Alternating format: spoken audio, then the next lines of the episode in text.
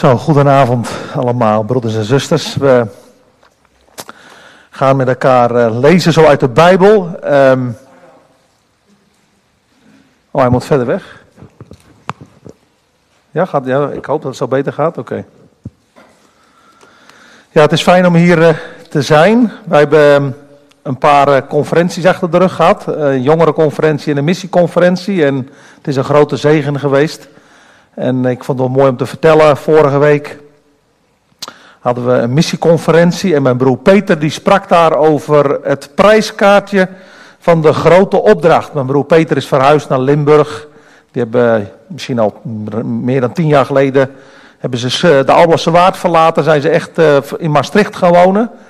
En ehm, ja, hij mag daar echt tot zegen zijn. En nou had hij op de missieconferentie met 70 jongeren had hij gesproken over het prijskaartje. Dat het heel veel kost om Jezus te volgen en ook om je in te zetten. Maar dat er ook zoveel zegen en vreugde tegenover staat. En toen sloot hij zijn boodschap af met het voorbeeld van dokter, uh, een verhaal van dokter Duff. Het staat in het verhaal van uh, Bewogenheid voor zielen van Oswald Smit. En die dokter Duff die was zendeling in India van 1806 tot 1878. En die, uh, een paar jaar voor zijn sterven kwam hij terug vanuit India van het zendingsveld. En hij sprak een zendingsconferentie toe. En met dat hij daar spreekt op het podium, krijgt hij een beroerte en zakt hij achter het gestoelte in elkaar. En uh, er is een arts in het midden, of er zijn een paar mensen, en die zeggen: Nee, u moet nu naar huis, u moet rust houden, het gaat niet goed met u. Hij zegt: Nee, maar ik heb mijn oproep nog niet gedaan om zendelingen op te roepen. Ik, ik moet nog een keer naar de microfoon, ik moet nog een keer de zaal toespreken. Nee, dat kan echt niet, u bent uh, er zeer slecht aan toe. En op een gegeven ogenblik, dan zegt hij, nee, ik ga niet naar huis. Hij zegt, dan, dan ga ik zelf wel alleen terug weer naar India. Want dan ga ik het wel weer daar vertellen als ik die oproep niet kan doen. Maar op een gegeven moment dan ondersteunen ze hem. En dan spreekt hij de zaal toe. Hij zegt, en toen koningin Victoria uh, opriep voor soldaten. Van wie van de jonge mannen willen zich geven om te gaan vechten in het buitenland. Toen gaven duizenden zich op. En als nou de koning der koningen oproept om jonge mensen om zich te geven voor zending en evangelisatie.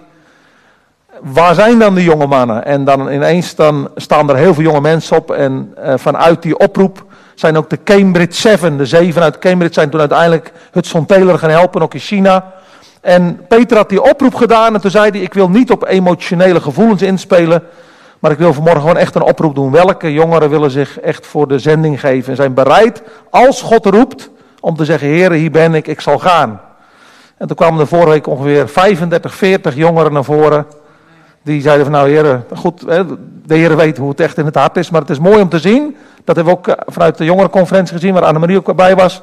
Dat, uh, ja, aan de ene kant leven we in een tijd die best duister is. En nou ja, veel ontmoediging. Maar aan de andere kant is er ook een jongere generatie wat de prijs wil betalen. En wat echt radicaal voor de heren wil leven. Toen ik vanmorgen uh, onderweg was naar Tolen om te spreken. Na de dienst heb ik trouwens nog uh, familie Boekhout ontmoet. En hij zegt, moet je vanavond nog preken? Ik zei, ja, in het aanbiddingscentrum. Hij zegt, oh, die man van die uh, boekjes uh, van dominee Huisman. Doe ze de groeten. Dus jullie krijgen de groeten van familie Boekhout. Maar toen dacht ik zelf, hè, ook met, ehm, vanmorgen las nog even het nieuws ook over het tekenen der tijden. Geloven we nog dat vandaag de Jezus zou kunnen terugkomen. Leven wij nog in die verwachting? Hè? We hebben net ook met elkaar gezongen in dat lied. Wachtend op Jezus' komst in heerlijkheid. En ik wil met jullie even bladeren voordat we naar het schriftgedeelte gaan, naar Matthäus um, 24. En dat moet voor de discipelen heel bijzonder zijn geweest als ze gewoon even soms ook met de Jezus in intimiteit ook in een groepje waren. En dan lezen we in Matthäus 24 vers 3. Matthäus 24, vers 3. Toen hij, de Heer Jezus, op de Olijfberg zat, gingen de discipelen naar hem toe en ze zeiden, toen zij alleen waren en zeiden, zeg ons wanneer zullen deze dingen gebeuren, dan komt het. En wat is het teken van uw komst en van de voleinding van de wereld? Een mooie vraag. Hè? Van, hoe kunnen we dat nou weten dat de Heer Jezus terugkomt en wanneer hij terugkomt? Nou, we gaan het even lezen. Jezus antwoordde, zei tegen hen, pas op dat niemand u misleidt. Dat is de eerste keer dat hij over misleiding spreekt. Drie keer spreekt hij over misleiding. Want velen zullen komen onder mijn naam en zeggen, ik ben de Christus. En zij zullen velen misleiden. Dus dat is de tweede keer. U zult horen van oorlogen en geruchten van oorlogen. Pas op, word niet verschrikt. Want al die dingen moeten gebeuren, maar het is nog niet het einde. Want het ene volk zal tegen het andere volk opstaan en het ene koninkrijk tegen het andere koninkrijk. En er zullen hongersnoden zijn en besmettelijke ziekten. nou ja, goed, hoe, hoe, reëel is dat niet, hè, waar we nu in verkeren, hè, dus in deze tijd. En aardbevingen in verschillende plaatsen. Maar al die dingen, dat is aangrijpend, maar al die dingen zijn nog maar een begin van de weeën. Nou, ik heb het vier keer meegemaakt, dat mevrouw Alinda weeën had. Maar uh, ja, als dat, de weeën zijn al heel erg pijnlijk, maar wat van de bevalling zelf? Dus wat gaat er nog komen over deze wereld? Dan zullen zij u overleveren aan verdrukking en u doden en u zult door alle volken gehaat worden omwille van mijn naam. En dan zullen veel, er velen struikelen en zullen elkaar overleveren en elkaar haten. En er zullen veel valse profeten opstaan en die zullen er vele misleiden. Dat is de derde keer. Dus misleiding komt die drie keer voor. En dan vraag je je af, wat is die misleiding? En ik geloof dat het antwoord staat in vers 12. En doordat de wetteloosheid zal toenemen, zal de liefde van velen verkillen. En hoe kan je nou misleiding herkennen? Ik denk dat je misleiding kan herkennen dat dat een woordverkondiging is, dat dat een prediking is die de standaard van Gods woord verlaagt, zodat we onszelf kunnen blijven, dat we ons niet hoeven te bekeren. Dus een, een evangelie waarin we wel zeggen van, ja maar je moet geloven en we geloven ook dat Jezus bestaan heeft en hij is een bijzondere leraar geweest, maar uiteindelijk een geloof zonder bekering. Snap je? En dat je gewoon, dan zeg je, ja je bent een mooi mens, je bent een prachtige mens, maar ja wat je nou net mist, ja, dat is de Heer Jezus. Dus als je nou de Heer Jezus ook nog aanneemt, dan is jouw leven compleet. Terwijl de Bijbel, dat gaan we ook straks zien, de Bijbel is zo anders als Jezus in je leven komt, dan gaat je leven op zijn kop.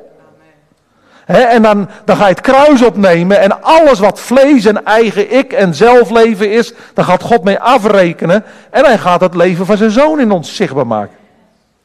Dus ik denk misleiding kunnen we daaraan herkennen. Kijk, prediking die pijn doet, of die zegt die, die mij diep raakt, dat is volgens mij een prediking die naar het woord is en die ons opscherpt dus, want waar kan je nog meer aan herkennen? Nou, doordat de wetteloosheid zal toenemen, wat is dan het gevolg? Dan zal de liefde van velen verkillen. Dus dan, dan wordt het heel erg koud. Want kijk, dat zijn allemaal mensen die, die zijn allemaal nog op zichzelf gericht. En als je op jezelf gericht bent en je hebt geen oog voor de ander, ja, dan is daar ook geen fellowship. Dan is het niet het kolenvuur wat elkaar verwarmt. Want we leven in onze individualistische kokon en uiteindelijk hebben we geen gemeenschap en fellowship met elkaar. Nou, vanavond Opnieuw, hè, dat van, maar wie volharden zal tot het einde, die zal zalig worden. Hè. Dus vanavond gaan we ook weer in de preek elkaar bemoedigen. Hè, om in die wedloop die we lopen, om te zeggen, jongens, hou je oog op de Jezus. En, en, en, en laten we echt uitzien naar zijn komst. En dit evangelie van het koninkrijk zal in heel de wereld gepredikt worden tot een getuigenis voor alle volken. En dan zal het einde komen. Nou, tegenover die wetteloosheid Bladeren we even naar Matthäus 23, vers 4. Tegenover die wetteloosheid staat het wetticisme van de fariseeën. Want zij binden lasten samen die zwaar zijn en moeilijk om te dragen. En ze leggen ze op de schouders van de mensen, maar ze willen die zelf met geen vinger verroeren. Nou, wat was het probleem van de schriftgeleerden en de fariseeën?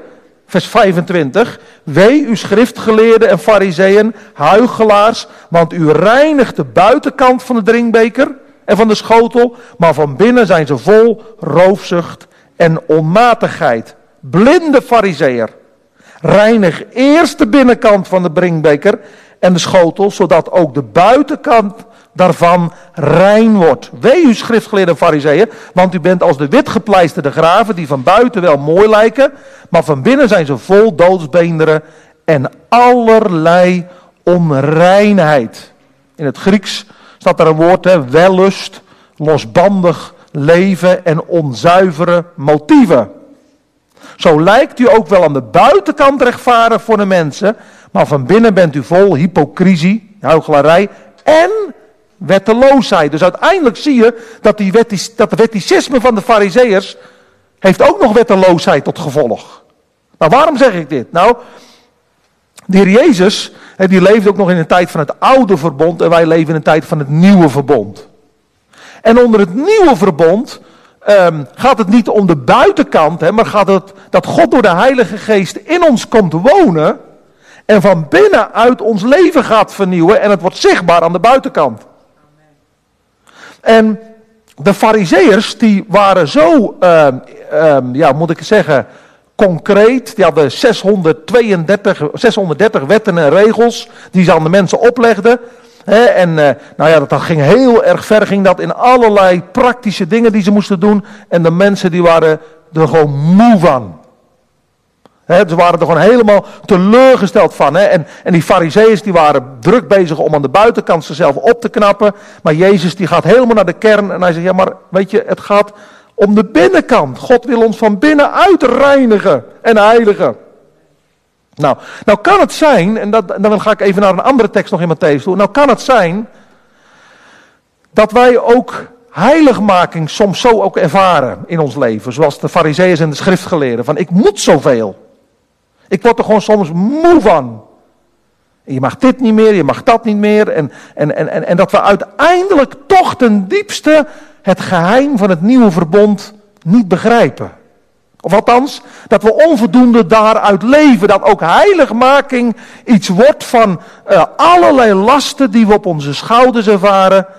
Maar het is gewoon te zwaar om te dragen. Maar nou wil ik jullie even meenemen naar onze heiland. Hoe die ons benadert, ook vanavond. En dat kunnen we lezen in Matthäus 11. En dan gaan we naar Romeinen toe. Maar ik wil het toch even, van tevoren wil ik dat even in, in perspectief zetten. Dit is de heiland die vanavond voor je staat. Matthäus 11 vers 28. En hij zegt tegen ons, en hij zei toen tegen de mensen die om hem heen stonden, kom naar mij toe. Allen die vermoeid en belast bent, en ik zal u rust geven. Neem mijn juk op u en leer van mij dat ik zachtmoedig ben en nederig van hart. En u zult rust vinden voor uw ziel. Want mijn juk is zacht en mijn last is licht. Onder het nieuwe verbond wil God door de Heilige Geest in ons komen wonen en hij wil ons alles geven wat nodig is om dit woord ook in de praktijk te brengen. Als we falen en als we struikelen en als we mislukken, dan nodigt hij ons opnieuw uit en zegt, ben je nou vermoeid vanwege je zonde? Ben je misschien belast ja, met, uh, met of met wetticisme of met, met, met allerlei wetten en regels die ook vanuit het verleden op je gelegd zijn? Als je naar mij toe komt, dan ga ik je innerlijk rust geven. En, en dan moet je leren dat ik zachtmoedig en nederig van hart ben. Alleen wat vraag ik van je? Dat lees je ook onder andere van in vers 25. Ik, ik heb het wel voor wijzen en verstandigen verborgen, maar aan jonge kinderen geopenbaard. Dus Gods heilsplan wordt aan, onthuld aan eenvoudige mensen die verlegen zijn om de Heilige Geest. Hij wil dat we eigenlijk eerlijk zijn over onszelf en over de toestand van ons hart. Dat we in kwetsbaarheid zeggen, heren, ik heb u gewoon nodig. Ik kan het niet zonder u. en, en hij wil dat wij dat juk, dat is namelijk de onderwerping aan de wil van onze hemelse vader, eh, zijn wil, die hij ons oplegt. Maar dat is niet een juk die ons benauwt en die zoals de regels van de fariseeën en de schriftgeleerden ons te neerdrukken en dat wij voor ons veroordeeld voelen als we falen. Nee, het is een juk die zag, waarvan de Jezus zegt, leer van mij dat, ik, dat het zachtmoedigheid betekent en nederigheid betekent. En als je dat op een goede manier mag ontvangen in je leven, dan zal het je rust geven. En dan weet je, ook als je in zonde valt, moeten we niet in de zonde blijven liggen. Maar dan mogen we opnieuw weer op Gods genade aanspraak maken en weer opstaan en weer verder gaan op, in het lopen van de wedloop. Nou, we gaan vanmorgen, of vanavond met elkaar stilstaan bij Romeinen 12. En dat gaat eigenlijk over praktische heiligmaking, hoe Gods ontferming, hoe die genade ja, ook handen en voeten krijgt in de praktijk van ons dagelijks leven. Romeinen 12. Dus vanavond niet wetten die ons opgelegd worden, maar God wil ons richtlijnen geven die hij van binnenuit ook tot een werkelijkheid wil maken in ons leven. Romeinen 12. En dan lezen we eerst vers 1 en 2. En dan lezen we vers 9 tot en met 21.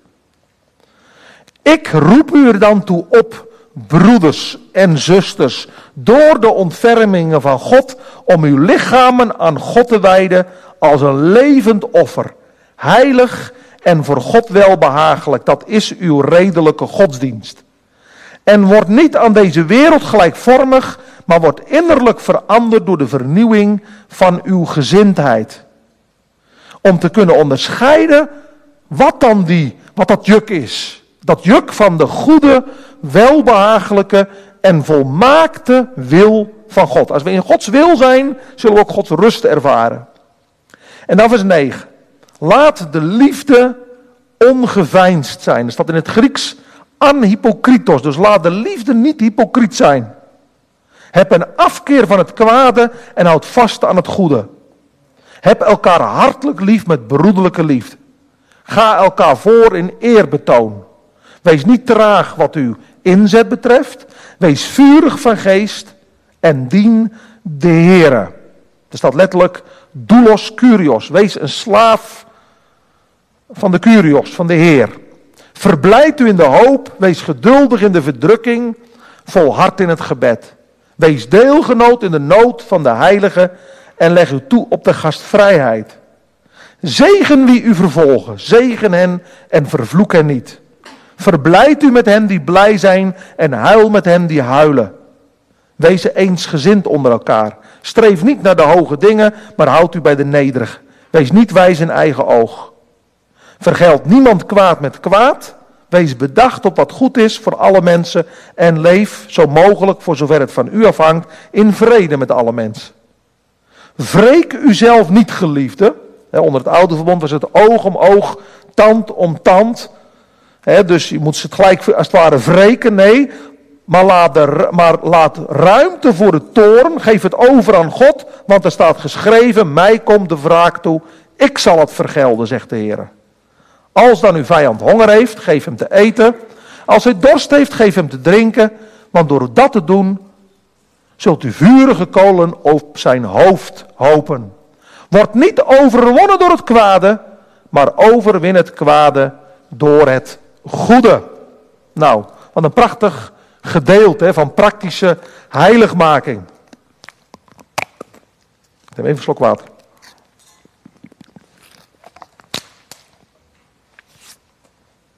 Als we het nou hebben over um, de tijd waarin wij leven, we hebben het net gehad over uh, liefdeloosheid, over wetteloosheid.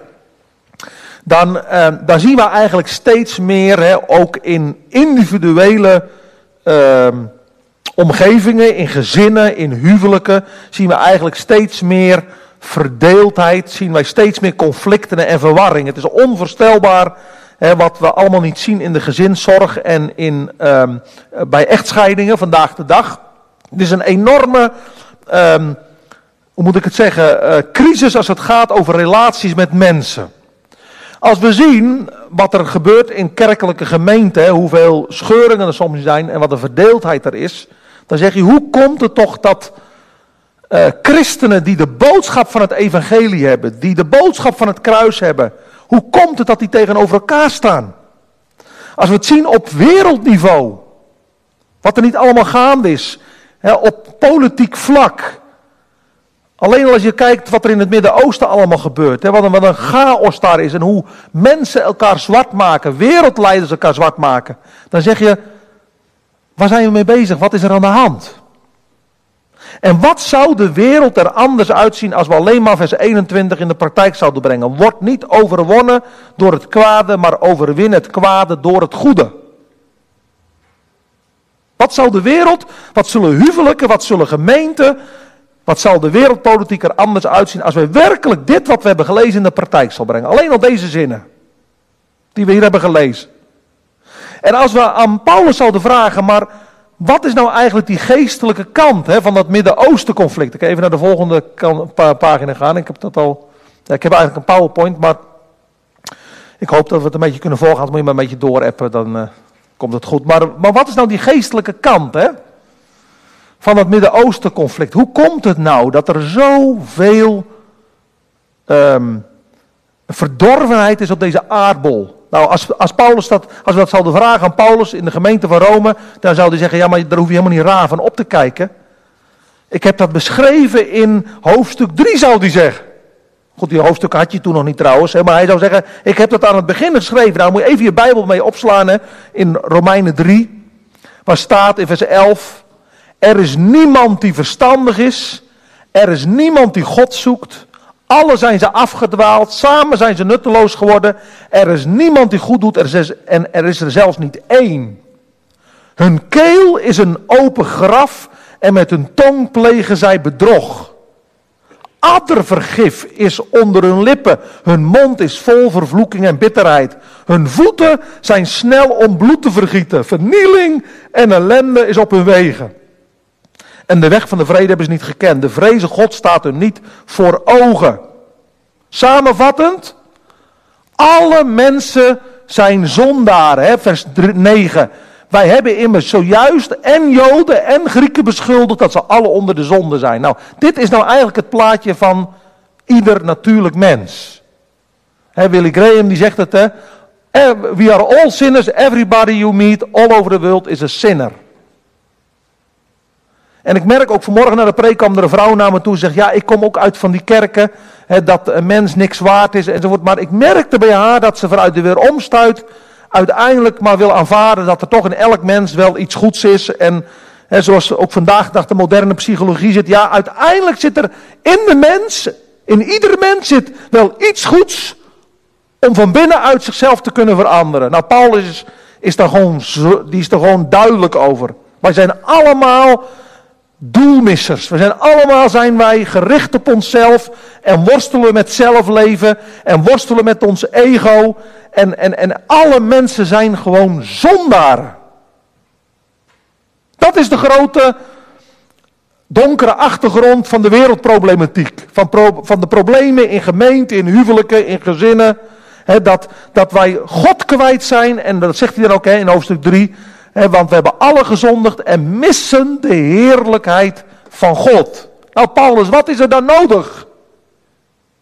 In een huwelijk. Wat een drama is. Of in een gemeente waar verdeeldheid is. Of waar nood is. Of een wereldpolitiek. Nou, hij zou zeggen, de mens heeft het evangelie nodig. De blijde boodschap. En, en, en, en, en, en, en die is duidelijk geworden in vers, vers 25. Hem, de Jezus, heeft God openlijk op Golgotha aangewezen als middel tot verzoening. Door het geloof in zijn bloed. Het Midden-Oosten heeft de vredevorst nodig. En ik zeg daarmee niet dat er mensen geen goed werk doen door liefdadigheidswerk te doen. Maar je merkt het al in een tijd leven dat, dat, dat nou ja, vroeger had je woord en daad. Maar dat we soms de daad heel sterk benadrukken, terwijl ik ook geloof, we hebben het woord van God nodig. Het evangelie moeten we blijven brengen, ook in deze tijd. En dat de mensen gezondigd hebben en dat er een oplossing is, een middel tot verzoening is. Ook tussen volken die vijandig gezind zijn, door het geloof in het bloed van de Jezus. Dus het evangelie, de blijde boodschap. Nou, dan beschrijft Paulus in hoofdstuk 4 dat eh, we door het geloof deel kunnen krijgen aan de Jezus. En dan in hoofdstuk 5, daar heb ik ook een foto van, hè, dat God zijn liefde jegens ons bevestigt. Hè, daarin dat hij voor ons gestorven is toen wij nog zondaren waren. Broeders en zusters, als we het vanavond gaan hebben over praktische liefde, dan moeten we beginnen op Golgotha om te zien wat hij voor ons gedaan heeft. Als Paulus zegt in Romeinen 12, het door de ontfermingen van God. Dan moeten wij elke keer weer mediteren. Wat is daar op Golgotha gebeurd? Nou, daar is een hemelhoge schuld van jou, van u en van mij vergeven. Onze is een miljoen schuld vergeven. En dan kunnen we in de praktijk van ons dagelijks leven te maken krijgen met mensen die ons ook iets schuldig zijn. misschien 2 of 3 of 4 euro in vergelijking met die miljoen die ons vergeven is, dan kunnen wij toch niet achterblijven als God nou zo zijn liefde jegens ons heeft bevestigd. Dan kunnen we toch niet dan tegen onze vijand zeggen, joh, ik wil het je van harte vergeven. Dan, dan, dan wordt het een werkelijkheid wat er staat. Hè, dat we onze vijand, uh, dat we die, uh, als die honger heeft, geven hem te eten. Als die dorst heeft, geven hem te drinken. Want door dat te doen, zullen we vurige kolen op zijn hoofd hopen. Dat is, dat is de liefde die uitgewerkt wordt in je hart. Nou, wat gebeurde er op het ogenblik dat we wedergeboren werden? Nou, toen werd de liefde van God in ons hart uitgestort. Romeinen 5 vers 5. We gaan het straks hebben over praktische liefde. Maar daar is het vertrekpunt. Want kijk, als wij moeten... Ja, ik moet die ander lief hebben. Ja, ik moet die ander lief hebben. Ja, en ik kan het eigenlijk niet. Want ja, ik vind het heel moeilijk wat hij, hij of mij heeft aangedaan. Dan begrijpen we het niet. Want toen we wedergeboren werden, Romeinen 5 vers 5, is door de Heilige Geest de liefde van God in onze harten uitgestort. Van boven naar beneden, in en door ons heen. Nou, en als we dan die genade en die liefde van God gaan bemediteren, dat al jouw zonden, mijn zonden, van verleden, heden en toekomst al reeds vergeven zijn door zijn offer. En dat we uit die genade mogen putten. Hè? Vaste rots van mijn bouw, dat we ons aan vast mogen klemmen, klemmen aan die genade. En dat we die genade mogen leven. Nou, dan roept die boodschap eigenlijk op, als God al onze zonden vergeven heeft van verleden, heden en toekomst. Wat roept dat dan op? Oh, maar dan kan ik misschien gewoon zo blijven leven dan. Want als toch alles vergeven is, dan maakt het niet meer uit. Nee, zegt Paulus in Romeinen 6, vers 1. Wat zullen we dan zeggen? Zullen wij in de zonde blijven opdat de genade toeneemt? Volstrekt niet. Dan hebben we de boodschap niet begrepen. Wij kunnen niet hetzelfde blijven, want hij zegt, in het watergraf zijn we ondergegaan, we hebben ons oude leven begraven en nou willen we een nieuw leven wandelen, toch? En, en, en, en Romeinen 7 zegt, dan gaan met strijd gepaard, ga niet vanzelf, maar wij moeten elke keer weer bewust zijn, ik ben met Christus gekruisigd dus ik kan niet meer in de zonde blijven leven, maar ik ben met Christus gekruisigd en ik moet aan het kruis blijven. Nou, en ik geloof dat daar ook heel veel fout gaat. Wat is nou bekering? Bekering is niet de overwinning. Bekering is een gezindheid van het hart om niet meer te willen leven zoals vroeger voor jezelf en deze wereld, maar op de bodem van je hart zegt: Ik ben omgedraaid en ik wil het kruis van Jezus voor ogen houden en ik wil zijn wil doen in mijn leven. En ik kan vallen en ik sta weer op, maar ik wil, ik wil me daar naar uitstrekken. Kijk, in de weg van bekering ga je op een gegeven moment overwinning krijgen. Maar het is elke keer weer een wilsbesluit. Elke keer weer, elke morgen weer. En ik doe het regelmatig als ik s morgens opsta. Heren, ik dank u voor deze nachtrust. Ik dank u dat ik mag weten, ook in deze nieuwe dag, dat ik met Christus gekruisigd ben. Heren, ik wil vandaag niet van het kruis afkomen. Ik wil aan het kruis blijven. Dat is bekering. En elke keer weer als verzoeking, verleiding, moedeloosheid, intimidatie van de boze.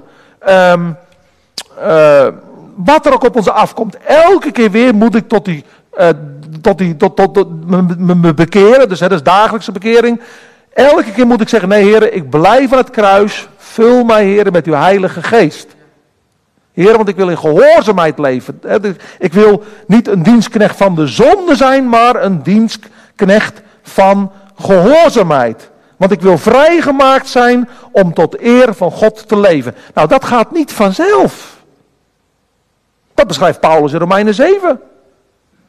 Als ik het goede wil doen, ligt het kwade me bij. Nou, 32 keer zegt, als ik heb dat eens een keer onderzocht, hè, 32 keer staat er ik, ik, ik, ik, ik, ik, ik, ik. Want als ik het goede wil doen, ligt het kwade me bij. En, en, en ik zie in mijn wet, in mijn leden een, een verlangen om het, om het goede te doen, maar een ander. Nou, ik, ik, ik, ik. Nou, wat is het nou probleem van dat ik? Paulus die probeert duidelijk te maken dat je in eigen kracht probeert die standaard van God te houden. Nou, dat, dat, dat is een en al teleurstelling, want dat red je niet. Als je in eigen kracht probeert Gods woord te gaan gehoorzamen in eigen kracht. Uh, dat woord in de praktijk wil brengen en die ander lief wil hebben en te huilen met degene die huilen en blij te zijn met degene die blij zijn. En, en, en nou ja, goed, hè, al die praktische dingen die we met elkaar hebben gelezen juist, als je dat in eigen kracht gaat proberen, dan red je het niet. En dan word je teleurgesteld en dan roep je uiteindelijk met Paulus uit, ik ellendig mens. Ik baal van mezelf, heren. Nou, ben ik, nou, nou is het me weer vandaag niet gelukt, eh, gelukt heren. Oh, ik ben moedeloos. Maar kijk, daar staat een vraag en er staat geen punt. En we moeten gaan lezen wat er in Romeinen 8 staat, want dat is die boodschap van het nieuwe verbond. Dan zegt hij, ik dank God, vers 25 van hoofdstuk 7. Ik dank God door Jezus Christus, onze Heer. En dan zegt hij vers 2, want de wet van de geest van het leven in Christus Jezus heeft mij vrijgemaakt van de wet van zonde en van dood. Want wat door die wet onmogelijk was, krachteloos als ze was door het vlees, dat heeft God gedaan. Hij heeft zijn eigen zoon gezonden in een gedaante gelijk aan het zondige vlees. En dat omwille van de zonde. En de zonde veroordeeld in het vlees. Nou goed, en dan komt hij tot, die, tot dat geweldige zegelied van Romeinen 8. Over dat Abba Vader, die liefdevolle vader-kind verhouding. En dan maakt hij duidelijk hè, dat wij niet hebben ontvangen de geest van slavernij die opnieuw tot angst leidt. Maar de geest van aanneming tot kinderen, door wie wij zeggen Abba Vader. Hij heeft het voor wijzen en verstandigen verborgen aan kinderen geopenbaard. Die leven in het geheim van het Abba Vader. Heer, ik heb u nodig. Heer, ik dank u voor uw geest die in mij woont. En dat u mij dat leven wil geven wat nodig is. Dus als je weer opnieuw onder in angst verkeert. Of dat je weer de boze toelaat in je denken. Door je te ontmoedigen en te intimideren. Dan moet je weer terug naar de kern en zeggen: Nee, heren, ik dank u. Voor Romeinen 8, vers 1. Er is geen verdoemenis, geen veroordeling voor hen die in Christus Jezus zijn. Die niet naar het vlees wandelen, maar naar de geest. Heer, ik mag weten dat ik in Christus ben, Heer. En dat ik door u geaccepteerd en geliefd ben. Heer, ik wil weer terugkeren naar het begin waar ik u heb gevonden. En Heer, ik wil opnieuw tegen u zeggen, ik kan het zelf niet. Doe u het door de Heilige Geest in mij. Kijk, en dan gaat Paulus naar Romeinen 9. Dan gaat hij duidelijk maken wat nou die ontferming, die genade van God voor het volk Israël betekent. En dan staat er in Romeinen uh, 10, vers 21. Met het oog op Israël zegt hij echter, heel de dag heb ik mijn handen uitgebreid naar een ongehoorzaam en tegensprekend volk. Wat een genade van God. Ook voor ons. Een God die zijn handen uitbreidt naar ons. En zegt, al ben je dan ongehoorzaam, al ben je dan een rebel, al ben je dan toch elke keer weer opstandig naar God. Heren, waarom? Ik sta met open armen op je te wachten. Je bent welkom bij mij. Maar erken het dan ook dat je me nodig hebt. En, en probeer het dan ook niet in eigen kracht. En, en, en laat dan weer je lege handen zien. En, en, en, en roep het dan ook naar mij uit. Want ik wil niets liever dan je helpen. Zo heeft God met Israël gehandeld. En zo zal hij ook in de, in de eindtijd met Israël handelen. Hij wil dat volk niet loslaten. Hij wil dat volk met zijn genade bewijzen. En dan zegt Paulus in Romeinen 12, als je nou dit allemaal op een rijtje zet, Romeinen 1 tot en met 11. De donkere zwarte achtergrond van onze verlorenheid, van onze, um, van onze zondestaat. Of zo, zo is het in de reformatorische kerk wel zeggen, de doodstaat van de mens. Hoe, hoe rampzalig een natuurlijk mens is zonder Jezus. En dan die genade van God, die uitgebreide armen daartegenover. Als je dat op jullie in laat werken, tegen die donkere zwarte achtergrond, die uitgebreide handen van God, die ontferming van God. Nou ja, dan is het de vraag, dan is toch heiligmaking eigenlijk geen moeten meer, toch of wel? Als we dat op ons in laten werken, dan is het eigenlijk toch, zoals sommige dominees wel zeggen, een heilige vanzelfheid. Hè? Dan zeg je, ja, eigenlijk gaat het vanzelf. En toch staat er, ik roep u er dan toe op, broeders. Nou, dat woordje oproepen, staat in het Grieks parakaleo, die kan je vertalen met aansporen, vermanen, bemoedigen. Dus vanavond worden we bemoedigd, aangespoord, opgeroepen en vermaand om te zeggen, Als we nou die genade van God zien en op ons in laten werken, die uitgestrekte armen, die liefde van God, nou dan kan het niet anders dan dat we ook vanavond zeggen, Heren, ik wil mijn hele lichaam aan u wijden als een levend, heilig offer voor u welbehagelijk. En dat is uw redelijke godsdienst. Dat is eigenlijk ware aanbidding, staat er. dus we hebben net met elkaar heerlijke lofprijsliederen gezongen. Door onze mond God lof te brengen. Maar de redelijke godsdienst, de ware aanbidding, is ook dat je heel je leven aan God geeft. Zegt, Heer, ik wil niet meer voor mezelf leven. Kijk, en dan, zegt Paulus, en wordt niet aan deze wereld gelijkvormig. Dus er komt een transformatie in ons leven. Er staat letterlijk, maar wordt, er staat maar wordt veranderd. Nee, maar wordt innerlijk veranderd door de vernieuwing van uw gezindheid. Er staat letterlijk in het Grieks het woordje metamorfose. Dus dat is het proces van een rups naar een vlinder. We ondergaan een transformatie. Er, komt nieuw leven. We gaan helemaal gans anders denken als de wereld. Kijk, de wereld die gaat ons steeds meer voor gek verklaren. Dat wordt alleen maar duidelijker, denk ik. We hebben nog lang de acceptatie van de wereld. Van, maar we doen toch goed en we zijn toch ook goed bezig.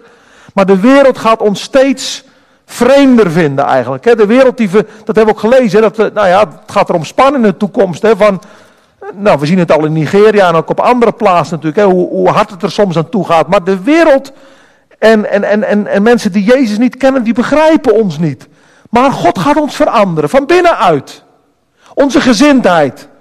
En dan gaan we onderscheiden wat de goede, welbehagelijke en volmaakte wil van God is. Dus we worden vernieuwd en we worden radicaal anders. En de vraag vanavond is, is die genade al realiteit geworden in ons leven? Kennen we iets van, dat, van ja, dat die vernieuwing van ons denken en van onze gezindheid? Dat we, zeggen, als ik, dat we zeggen, als ik nu terugkijk, ja, dan zie ik echt verandering in mijn leven. Ik ben anders gaan denken. Die strijd, gisteren op de Bijbelschool hebben we nagedacht met de studenten over strijd om ons denken. Heb ik hier ook een keer over gesproken. Maar, maar, maar, maar God wil wat vernieuwen. Steeds meer vernieuwen. Dat we niet meer denken zoals de wereld denkt. Waar alles draait om zelf en ego. En, en, en dat zien we dan in huwelijk. Ja, eh, we gaan uit elkaar. Want we kunnen elkaar niet meer geven wat we nodig hebben. Het draait om mijn behoeften. En mijn man kan niet meer voldoen aan wat ik nodig heb. Dus ja, we gaan maar uit elkaar. Ja, we, we, houden nog van elkaar hoor. Echt hoor, we blijven gewoon als vrienden met elkaar omgaan. Maar we kunnen elkaar niet meer geven wat we nodig hebben. Nou, dan begrijpen we gewoon het evangelie niet. Want in het evangelie zeggen we, aan de voet van het kruis leg ik mijn leven af ter wille van de ander. En als de partner dat ook doet, dan vinden we elkaar aan de voet van het kruis. Wanneer goddelijke liefde, agape liefde, liefde die zichzelf opoffert voor de ander, die gaat deel worden van ons leven. Kijk, en dan gaat Paulus in hoofdstuk, hoofdstuk 12, vers 9 tot 21, gaat hij dat heel praktisch uitwerken wat dat betekent. Nou, ik, we zullen kijken hoe ver we kunnen komen daarin. We zullen nog een paar dingen erover zeggen. Maar dan zien we bijvoorbeeld ook hè, dat daar 13 aansporingen staan. Hè? Vers 9 eh, tot en met 13. Dat zijn zo'n 13 praktische aansporingen. En als je dat dan leest, dan denk je: wat, wat, wat moet ik daar nou mee? Over een uur dan ben ik ze vergeten. Wat herinner ik me nou de morgen nog van op mijn werkplek? Als je na drie minuten lezen, dan ben je de helft alweer vergeten. Of meer dan de helft ben je alweer vergeten. Ja, maar even terug naar het transformatieproces. Hoe verandert God ons leven? Is dat een soort bovennatuurlijke patsboom? Je bent veranderd? Nee. Hij doet dat door woord en geest. Door het woord en de Heilige Geest. Dus deze woorden moeten we lezen. En opnieuw lezen. En opnieuw lezen. En opnieuw deel laten worden van ons leven. En dan tegelijkertijd die verzuchting, dat gebed. O Heere, wilt u nou uw geest geven dat dit een levende werkelijkheid mag worden in mijn leven? Heren, heilig mij. Hè? Dat heb ik ook in een van die liederen gezongen. Heren, maak mij uw beeld gelijkvormig. Schenk mij een leving. Geef dat dit mijn leven wordt, heren. Heer, ik herken een beleid dat ik het heel moeilijk vind om die ander onvoorwaardelijk lief te hebben. Maar Heer, wilt u mij vullen met agape liefde, met liefde die zichzelf opoffert. Nou, dan staat hier dat die liefde, die agape-liefde, die is niet hypocriet, die is ongeveinsd. Zonder masker. En dat betekent eigenlijk betekent dat een liefde zonder bijbedoelingen. Zonder hoort wat voor, zonder um, voor wat hoor wat. Hè? Dat, is, dat is denk ik ook wel ook eigen soms aan de mensen. Nou, als ik dan dit voor hem doe, dan hoop ik dat ik dat voor terug mag krijgen. Ik zal een dag meehelpen met verhuizen. Maar dan hoop ik dat hij bij mij een keer komt verven in mijn huis. Hè? Op die manier een beetje. Hè? Van voor wat, hoor wat. Nee. Een ongeveinsde, zelfopofferende liefde.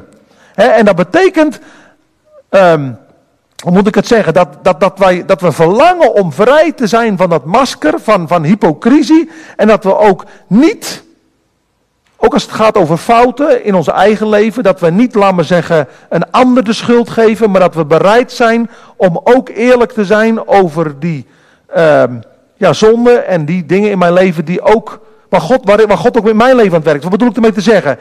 Ik heb het hier misschien wel eens eerder gezegd, maar ik zeg het toch. Ik, ik hoop ook dat de kracht van herhaling ook nodig is. Maar even over de fariseeën en de schriftgeleerden. Die waren ook heel goed om, om uh, een bepaalde liefde te geven, maar die toch hypocriet was. En dan zegt de Jezus op een gegeven ogenblik, ja maar uh, weet je over die splinter en die balk. Hij zegt, je mag best die ander op die splinter wijzen, maar je moet wel vrij zijn van die balk. Nou, en wat is nou die balk?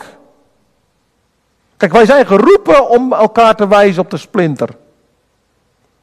Op dingen die, waarin we nog niet op Christus lijken. En, en, en het is natuurlijk ook echt de manier waarop. Maar wij, wij zijn geroepen om elkaar daarin op te scherpen.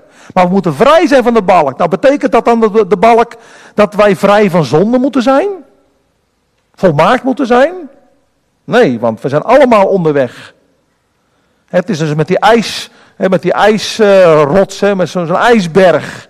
Je kan één zonde in je leven verwijderen en dan draait die hele klomp om en dan komt er weer iets nieuws boven. Dus in onze levens is misschien nog wel 70 of 80 procent zijn onbewuste zonden die we zelf niet zien, totdat de Heilige Geest de zonde aan het licht brengt. We zijn allemaal werk en uitvoering, ons leven lang door.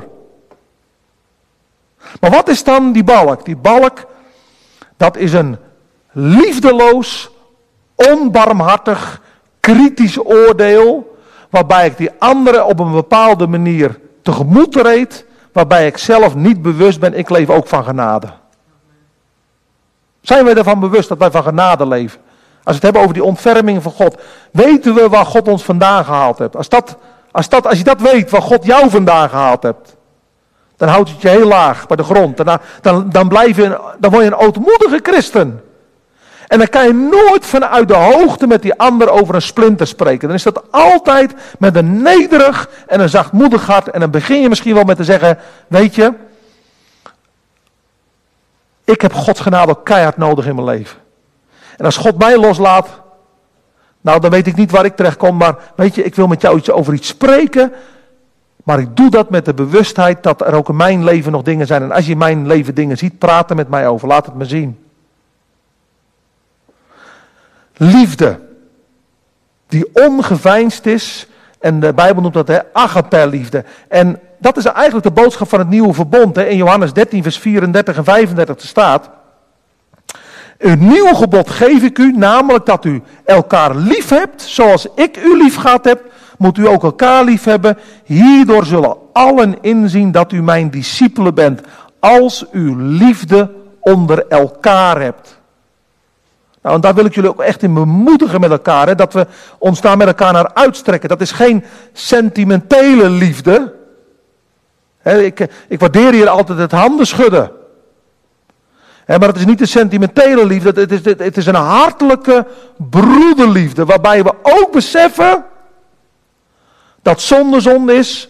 En dat we ook ons moeten afkeren van het kwaad. Want daar wil ik even iets over zeggen. Kijk, je staat hier, heb een afkeer van het kwade, houd vast aan het goede.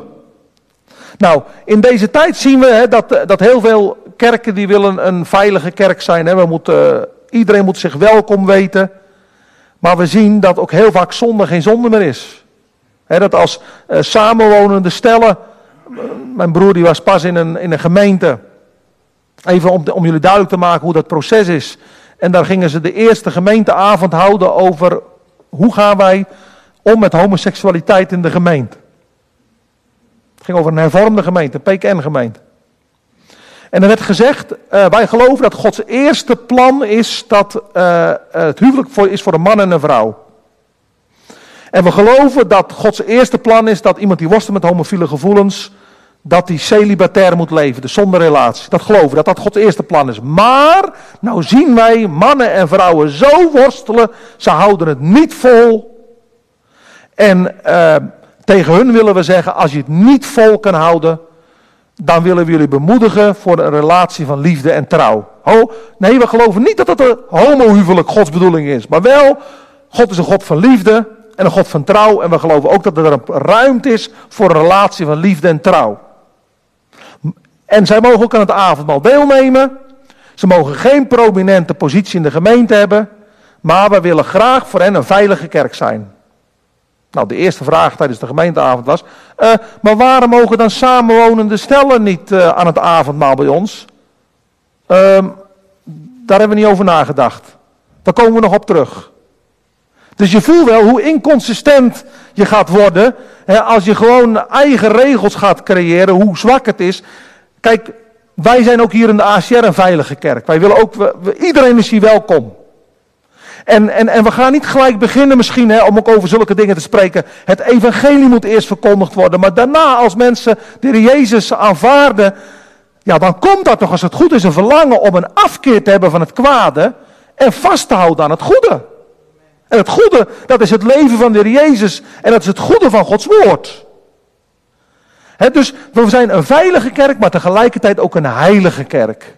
waar we niet de standaard verlagen en uiteindelijk laten we zeggen, ja maar weet je, iedereen is welkom en, en, en, en, en God is liefde. Nee, uiteindelijk verlangen wij daarna om veranderd te mogen worden naar het evenbeeld van Gods Zoon. Nou, vers 10, heb een afkeer, of nee, heb elkaar hartelijk lief met broederlijke liefde. Nou, er wordt een ander woord gebruikt. Daar wordt het woordje Philadelphia gebruikt. Broederliefde. En, en, en, en die broederliefde, het is, wonderlijk natuurlijk hè, dat in een stad als Rotterdam, dat er plaatsen zijn, huisgezinnen van God zijn, waar we met elkaar, elkaar hartelijk lief hebben en waar we als broers en zussen verbondenheid met elkaar hebben. Nou, en de Heer wil dat wij hoe moet ik het zeggen, dat we gaan ervaren dat die geestelijke banden natuurlijke banden overstijgen. De Jezus heeft op een gegeven moment gezegd, hij is ergens aan het preken in de synagoge. En dan zeggen ze, ja, je moeder en je broers die staan buiten op je te wachten. Dat is hilarisch eigenlijk een beetje, ze hadden hem toch gevonden. Je broer en je moeder staan buiten te wachten. En dan zegt de Jezus, dan, dan, dan, dan wijst hij zo over de scharen en dan staat er, want wie de wil van mijn vader doet die in de hemel is, die is mijn broeder en zuster en moeder. Dus in, dit, in ons huisgezin van God, hier ook in de ACR, wat verbindt ons aan elkaar? Nou, dat juk van onze hemelse vader, wat licht is, en waarvan Jezus zegt, ik wil je daaronder rust geven, dat is de wil van God doen samen. Wij willen toch samen de wil van God zoeken en doen. En dat overstijgt aardse familiebanden. Kijk, en soms kunnen er hele ongezonde relaties zijn. Ik ga ook een beetje naar de afronding toe. Het is bijna tijd, maar, maar er kunnen soms in ons leven ongezonde familierelaties zijn of andere relaties zijn. En als die relaties ons van de Heer Jezus aftrekken, en als ze ons, in plaats van dat ze ons dichter bij God brengen, dat we verder van God er vandaan komen, dan moeten wij soms in ons hart daar keuzes in maken. dus de, de, de fellowship van broeders en zusters onderling, die is veel intiemer dan familierelaties en vriendenrelaties. Het is een hartelijke liefde met broederlijke liefde. Waar we kwetsbaar mogen zijn, waar we uh, onze harten met elkaar delen en waar we elkaar bemoedigen als we gefaald hebben, waar we huilen met hen die huilen en blij zijn met hen die blij zijn. Waar we respect voor elkaar hebben. Ga elkaar voor in eerbetoon en respect. Waar we geen karikaturen van elkaar maken. Waar we luisteren naar elkaar. Waar we elkaar uit laten praten. Waar we die ander respecteren. Soms, we zijn met elkaar één, maar we zijn het niet met elkaar in alles eens. Dat vraagt ook geduld. Dat vraagt ook bijbelstudie. Dat vraagt luisteren naar de Bijbel en naar elkaar om samen die wil van God te zoeken. En in die gemeente, in het huisgezin van God, daar zijn we niet traag en lui als het over onze inzet gaat. Hè, want ja, dat, dat, dat kan niet. God heeft ons ook geestesgaven gegeven. Lees maar in vers 3 tot en met 8. Dan spreekt hij over het lichaam van Christus, over de vele leden. Wij allemaal hebben daarin een taak. En, en dan kunnen we niet lui zijn. God gebruikt geen luie mens. Nergens zegt de Heer Jezus dat God luie mensen zegt. Nee, in tegendeel. Hij zegt iemand hè, die zijn talent begraaft. Zegt hij, jij bent een slechte en een luie slaaf. Bekeer je ervan. dus, dus ja, als het goed is, hebben we onszelf aan de Heer aangeboden. En al hebben we dan vijf broden en twee visjes. Voor jezelf misschien onbeduidend. God gaat je breken. Hij neemt je, hij gaat je zegenen en hij gaat je gebruiken. En ik heb misschien wel eens eerder gezegd, dat Bak Singh ook zei, hè, ah, toen er een zendeling bij hem kwam, die, uh, zegt, ja, ik wil zendeling worden. Zijn broeder Bak Singh in India, geweldig, prijs de Heer. Geweldig, je wil zendeling worden. Nou, hier heb je een bezem en ga nou eerst uh, maar eens even de slaapzalen aanvegen. Nou, dat kon hij een dag volhouden, twee dagen volhouden, een week volhouden en na een week. Ja, maar broeder Bak Singh, mag ik nou iets anders doen, want ik uh, ben hier gekomen om zendeling te worden. En dan zei hij, als je niet trouw kan zijn in het kleine wat God je hebt gegeven, kan je nooit een groter werk toevertrouwen. en daarom hier ook, wees niet traag, wees niet lui wat je inzet betreft. Als de Heer je een taak geeft in de gemeente, ga dat getrouw doen, zodat God je grotere taak kan toevertrouwen. Wees vurig vergeest. Dien de Heer. En daar wil ik mee afsluiten. Wees on fire voor God. Dat staat hier eigenlijk. Wees vurig van geest. En, en, en geef jezelf als een slaaf voor Jezus Curios. Laat je door God gebruiken. En als je moedeloos bent, door verdrukking, wees geduldig. En verblijd je in de hoop, want er is een toekomst die wacht. Hij komt spoedig terug.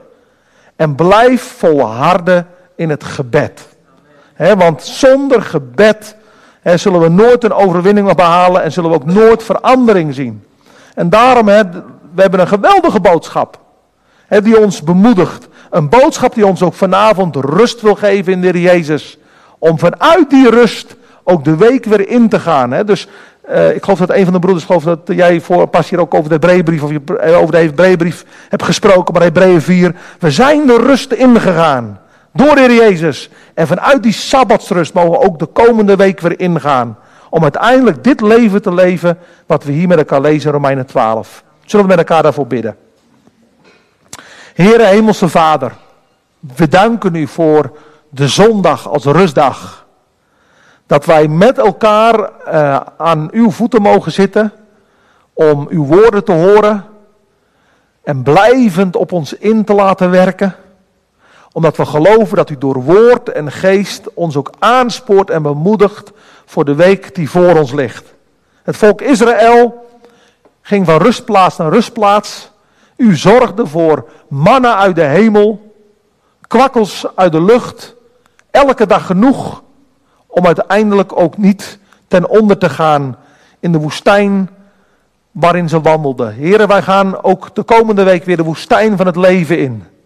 En u hebt ons ook vanmorgen en vanavond weer bemoedigd door uw woord.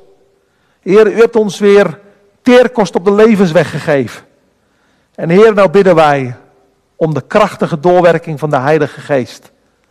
Dat we gewoon heel eenvoudig misschien een aantal van die dingen die we met elkaar hebben gelezen, dat we dat de komende week in de praktijk gaan brengen. Heer, dat wij op onze werkplek eens een kop koffie voor die ander gaan halen. Dat we eens een keer iets langer overblijven misschien om ja, ook, ook, ook, ook te helpen. Maar heren, u weet het, waar wij dit in de praktijk kunnen brengen. In ons huwelijk, wat misschien moeizaam gaat of waar het misschien soms wrijving is. Om opnieuw te zeggen, heren, ik blijf aan het kruis. Vul mij met zelfopofferende liefde. Om mijn man te bereiken, om mijn man het leven van Jezus zichtbaar te maken, omdat hij het nog niet kent. Of mijn vrouw.